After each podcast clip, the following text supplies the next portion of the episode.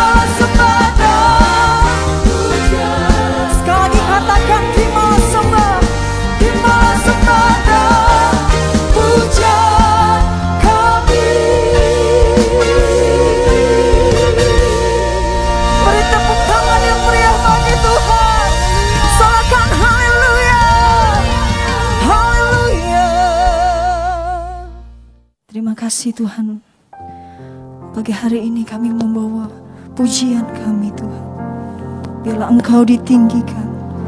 Engkau yang dimuliakan Tuhan Yesus. Terima kasih Tuhan. Ku bersyukur padamu Tuhan atas kasihmu. Ku bermasmur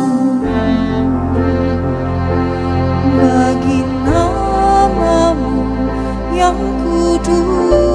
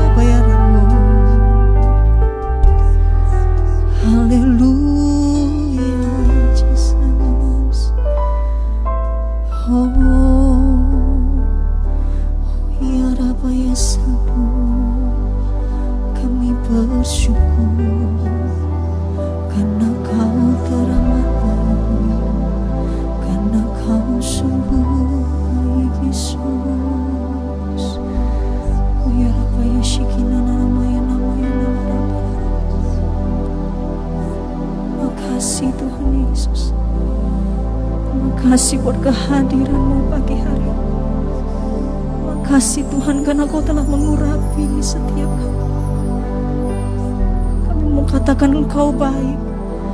Kami mau katakan engkau sungguh baik atas hidup kami.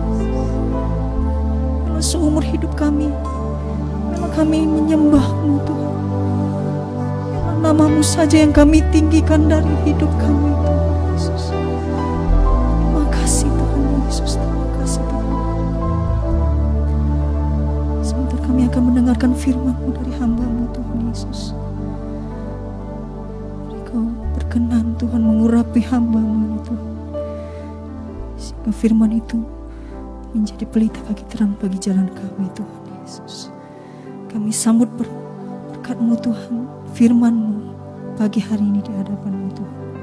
Terpujilah nama-Mu Tuhan dari sekarang sampai selama-lamanya. Di dalam nama Yesus kami ucapkan bersyukur. Bersama kita katakan, amin. Puji nama Tuhan. Tiba saatnya kita akan mendengarkan firman dari hambanya Ibu Debbie Katarina. Selamat menyaksikan Tuhan Yesus memberkati. Shalom. Shalom, menyapa semua ibu-ibu yang berada di Ibadah Wanita GBI Medan Plaza. Suatu kehormatan yang luar biasa saya bisa mengisi kembali berjumpa dengan ibu-ibu sekalian meskipun hanya melalui online, gak masalah ya.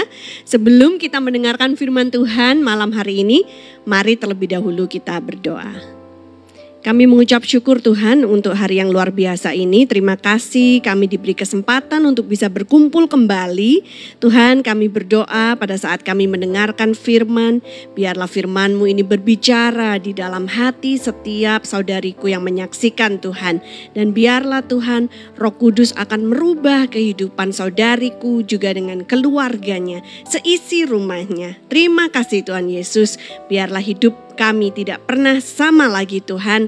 Di dalam nama Tuhan Yesus Kristus kami berdoa dan mengucapkan syukur. Amin. Puji Tuhan, apa kabarnya ibu-ibu sekalian ya? Uh, seperti yang kita ketahui bersama bahwa Indonesia mengadakan kembali PPKM ya. Kalau yang dulu di bulan Maret 2020 disebut PS BB, kali ini disebut PPKM ya. Nah, Bagaimana kita menyikapi PPKM ini? Mungkin beberapa dari kita mengeluh ya karena kebanyakan toko-toko tidak boleh buka kecuali yang essential atau critical ya. Tapi kita bisa memilih, kita punya pilihan untuk menyikapinya dengan sikap hati yang benar. Tentunya sebagai orang yang percaya kepada Tuhan, kita harus berdoa senantiasa buat pemulihan negeri ini. Kita harus merendahkan hati kita, mencari wajah Tuhan, berdoa, berpaling dari cara kita yang jahat supaya Tuhan mendengar dari sorga dan memulihkan negeri kita ini saudara ya.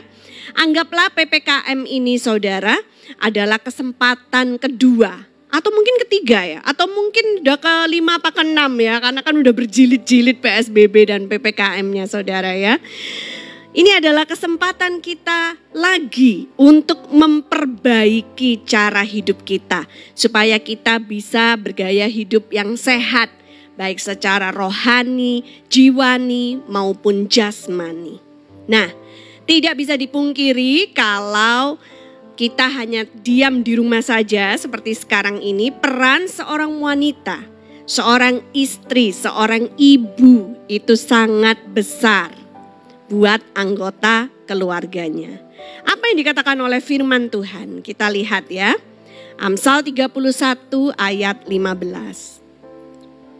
Ia bangun kalau masih malam, lalu menyediakan makanan untuk seisi rumahnya dan membagi-bagikan tugas kepada pelayan-pelayannya perempuan. Nah, kita lihat di sini kita belajar dari contoh wanita yang cakap yang disebut di Amsal 31 bahwa sebagai seorang wanita yang cakap, sebagai seorang istri, sebagai seorang ibu rumah tangga, dikatakan bahwa kita bangun kalau lagi malam lalu menyediakan makanan untuk seisi rumah kita supaya tidak ada di antara mereka yang kelaparan dan tidak ada di antara mereka yang kekurangan nutrisi karena di zaman PPKM seperti sekarang ini tentunya nutrisi sangat diperlukan supaya tubuh kita ini imunnya tetap kuat dan bisa melawan paparan virus COVID-19 yang ada di sekeliling kita. Ibu-ibu sekalian, hari ini kita akan berfokus pada kesehatan jasmani. Saya akan mengajarkan beberapa hal yang disebutkan di dalam firman Tuhan, tapi juga didukung oleh ilmu pengetahuan, supaya kita bisa menjadi umat Tuhan yang bijaksana. Karena ada juga firman Tuhan yang berkata, demikian, umatku binasa karena kurangnya pengetahuan. My people perish because of lack of knowledge. Dan biarlah kita pada hari ini diperlengkapi dengan pengetahuan yang kita perlukan untuk bisa tetap bertahan hidup di tengah-tengah pandemi COVID-19 ini. Ya, tentunya ibu-ibu sekalian juga sudah tahu ya, banyak orang suka uh, berdebat. Apakah kita ini hidup untuk makan atau makan untuk hidup? Nah, menurut saudariku yang mana? Hidup untuk makan atau makan untuk hidup? Buat kita orang-orang yang mengenal Tuhan, tentunya hidup ini adalah untuk memuliakan Tuhan. Jadi hidup bukan untuk makan, tapi hidup adalah untuk memuliakan Tuhan. Kalau gitu berarti kita masuk dalam golongan orang-orang yang memilih makan untuk hidup. Jadi kalau kita makan, itu tujuannya adalah supaya kita bisa melangsungkan kehidupan kita di atas muka bumi ini. Oke, siapa yang siap belajar? Boleh angkat tangannya, lambaikan tangannya ya, puji Tuhan. Nah, Saudara, kita akan belajar lebih dalam lagi ya. Jadi, makanan itu adalah bahan bakar untuk tubuh kita. Jadi makanan itu bukan saja diciptakan supaya kita bisa menikmati yang enak-enak. Bukan untuk sebuah kesenangan saja. Karena ada kandungan nutrisi di dalamnya yang mana itu penting sekali untuk fungsi otak kita.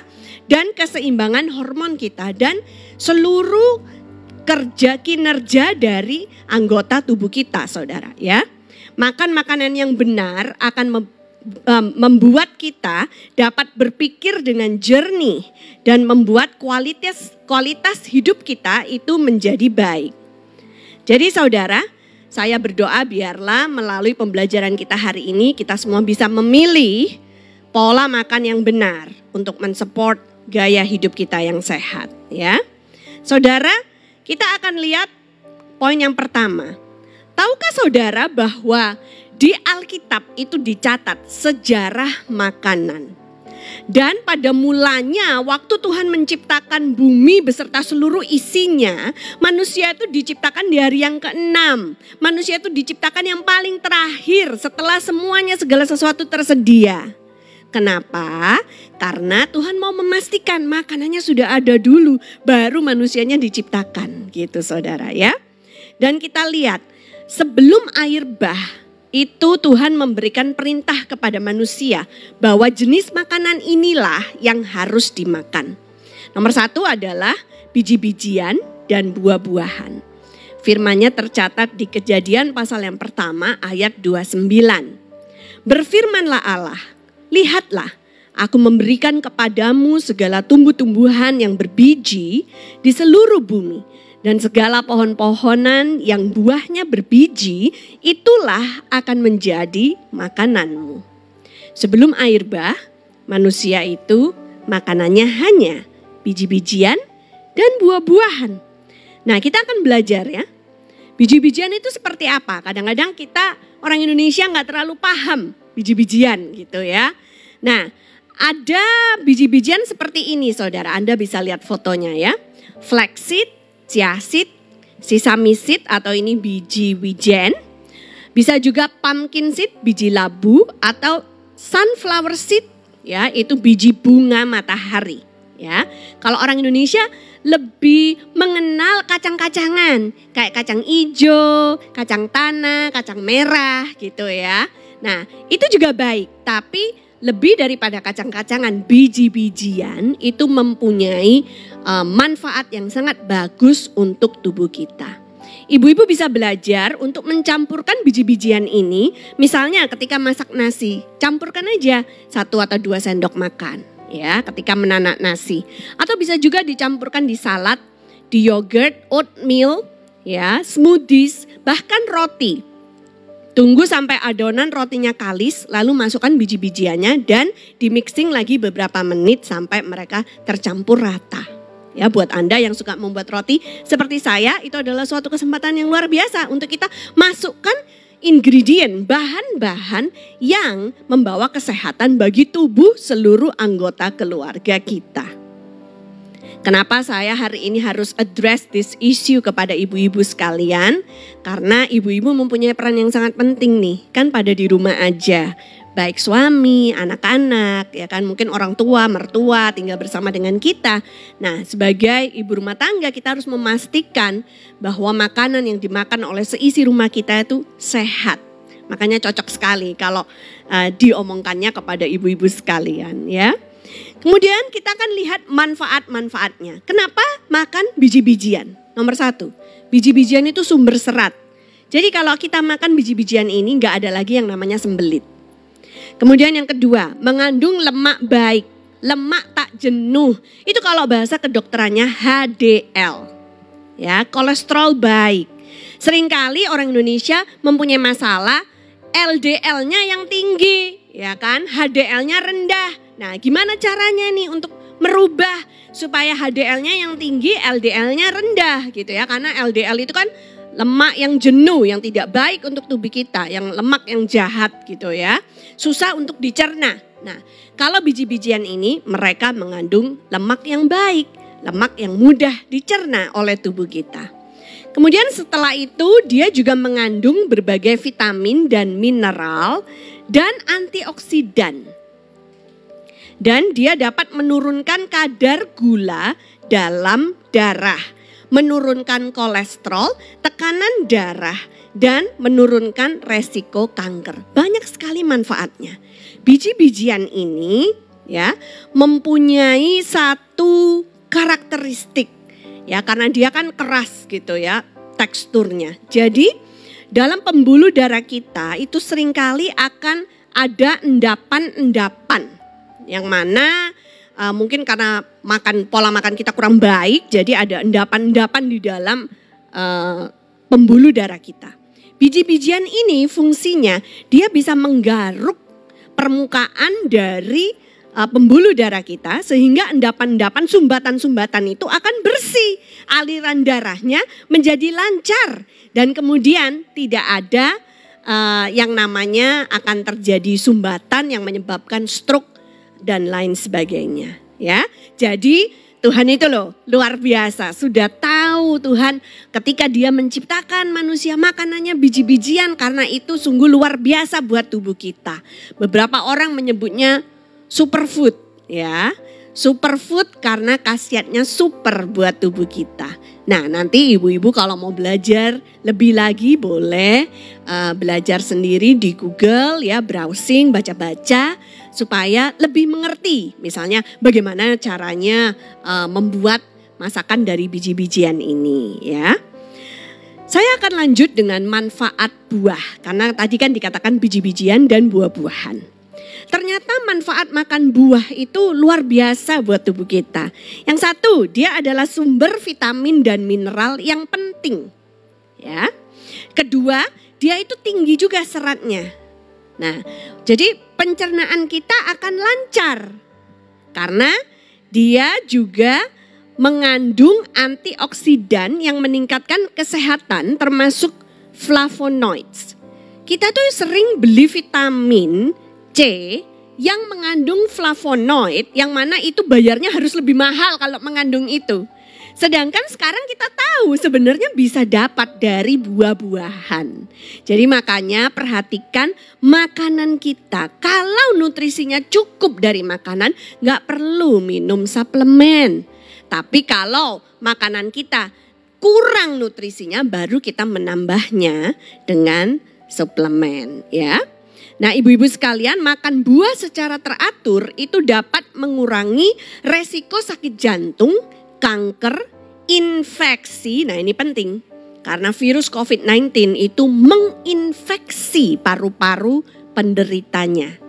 Jadi, ini makan buah-buahan bisa meredakan atau bahkan mencegah infeksi dan juga diabetes. Jadi, untuk orang-orang yang suka makan manis, Jangan makan gula, makanlah buah-buahan karena buah-buahan pun itu sudah manis. Manisnya alami, dia tidak menyebabkan diabetes. Oke, Saudara. Nah, untuk itu kita juga perlu belajar bahwa buah-buahan dan sayur-sayuran mereka itu punya warna-warni yang berbeda-beda ya. Dan setiap warna itu mempunyai khasiat yang berbeda-beda pula. Anda bisa lihat di foto yang berikut ini.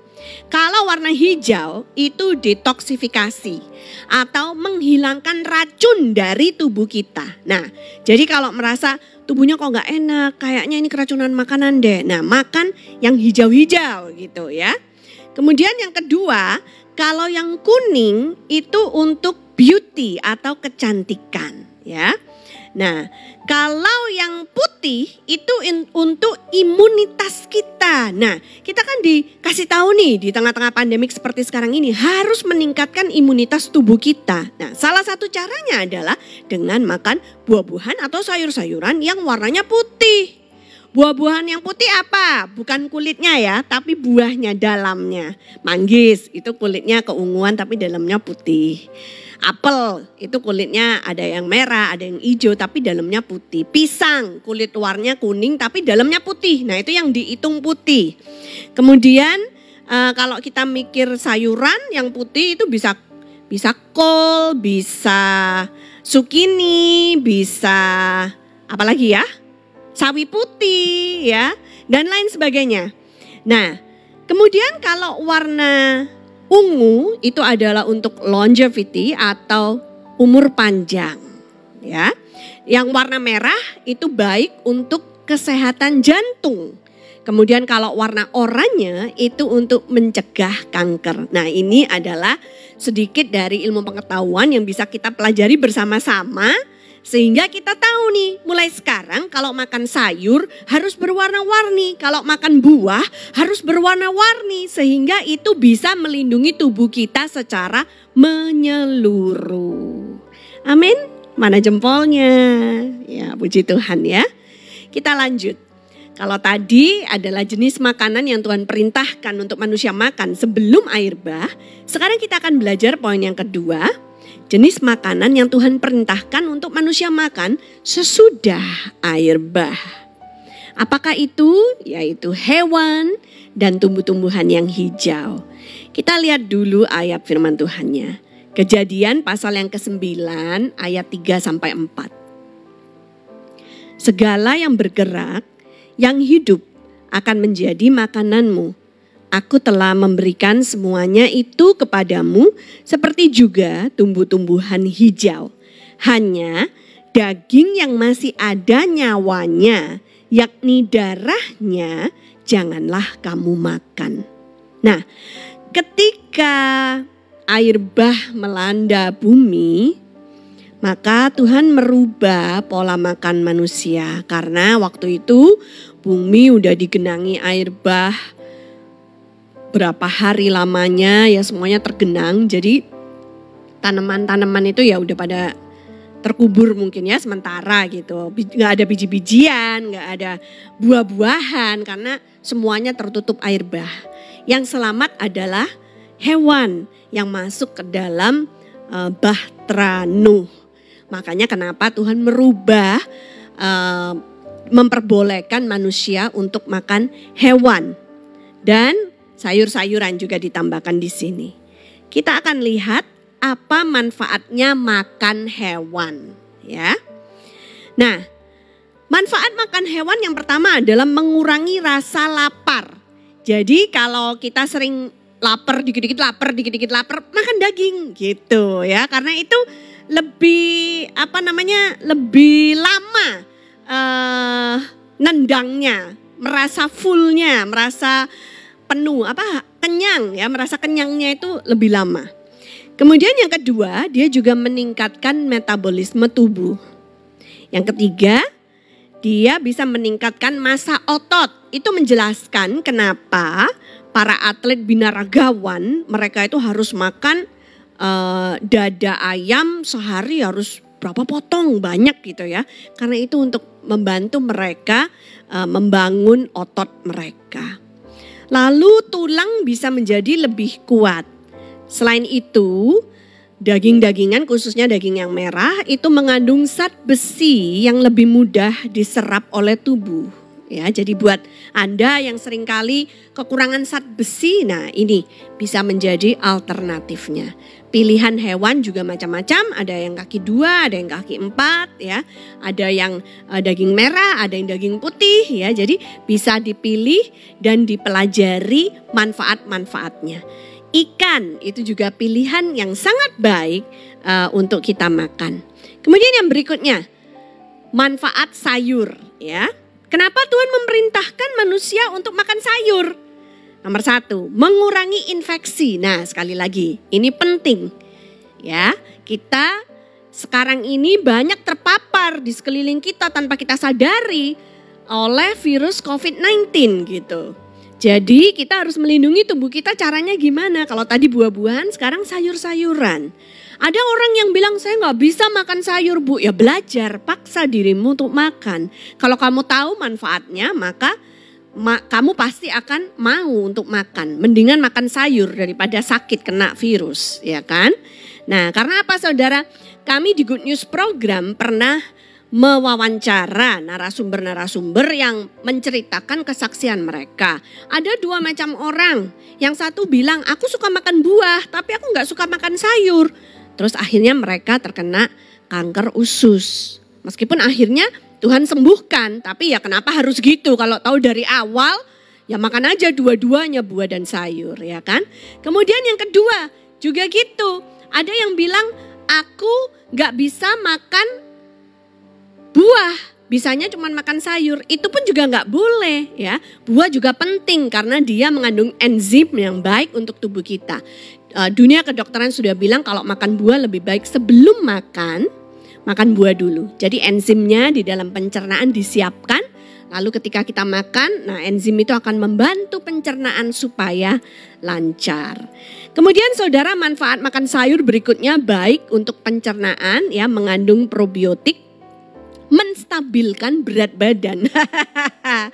Ibu-ibu, apakah PPKM ini benar ya singkatannya itu pelan-pelan kita melebar? Nah, kalau memang itu adalah kasusnya, makan sayur ya supaya stabil berat badan kita. Kemudian mengurangi resiko diabetes tipe 2 menurunkan tekanan darah nih buat yang suka tensinya tinggi-tinggi ya. Mengurangi resiko sakit jantung dan stroke. Baik untuk kesehatan tulang, mata, dan otak. Nah, berarti artinya setelah air bah ini semua makanan diperbolehkan sama Tuhan. Meskipun kalau kita belajar sejarahnya di Alkitab, nanti di Imamat 11 ketika uh, hukum Taurat diberikan, kemudian Tuhan menuliskan melalui hukum Taurat ada hewan-hewan yang boleh dimakan dan hewan-hewan yang tidak boleh dimakan. Itu kalau dalam adat orang Yahudi disebut kosher food. Mereka hanya makan apa yang diperbolehkan untuk dimakan. Yang hewan yang lain dianggap uh, tidak halal atau haram.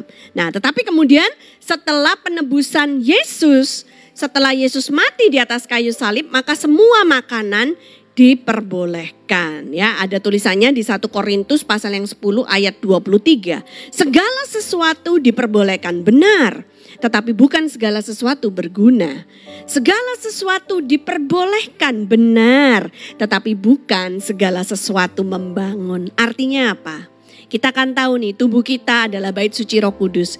Mari kita pastikan kita menjaga bait suci Roh Kudus ini dengan sebaik-baiknya dengan makan makanan yang berguna untuk tubuh kita dan makan makanan yang membangun tubuh kita. Ada amin ibu-ibu sekalian jempolnya mana ya. Nah jadi saudara ya sangat jelas bahwa di masa pandemik seperti sekarang ini, makanan kita harus diperhatikan. Asupan gizinya supaya terpenuhi, meningkatkan imun kita. Hindari junk food. Anak-anak kalau minta makanan junk food, junk food jangan boleh sebisa mungkin di masa-masa seperti sekarang ini. Ya, atau yang manis-manis juga jangan saudariku, engkau harus tahu bahwa yang namanya virus dan bakteri itu mendapatkan energi mereka dari gula. Jadi, kalau kita makan manis-manis, itu bakteri dan virus punya kuasa untuk berlipat ganda di dalam tubuh kita. Nah, kalau mau menghentikannya, belajar untuk tidak makan yang manis-manis atau minum yang manis-manis. Minum teh tawar, minum kopi tawar gitu saudara. Minum susu tawar, nggak usah ditambahin gula gitu saudara ya.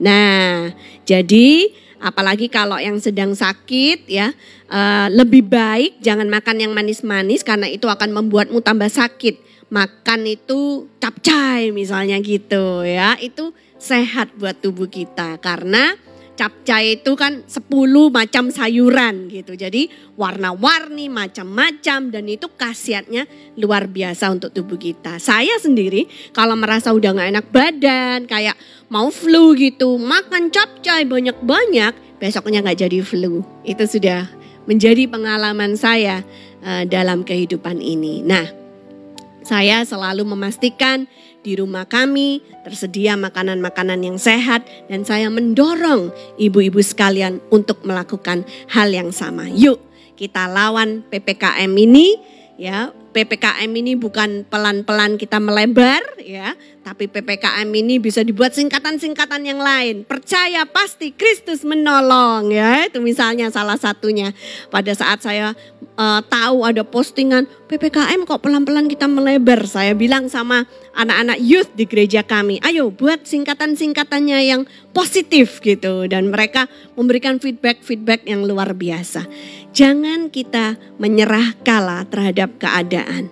Ya, saya berdoa buat kita semua supaya kita tetap dalam perlindungan Tuhan, kesehatan kita tetap terjaga dengan baik, ditutup bungkus dengan darah Yesus, malaikat-malaikat berkeliling di sekeliling kita dan saya berdoa biarlah kita semua diberikan kesehatan oleh Tuhan. Kalaupun ada yang sakit, percayalah oleh bilur-bilur Yesus, engkau sudah sembuh.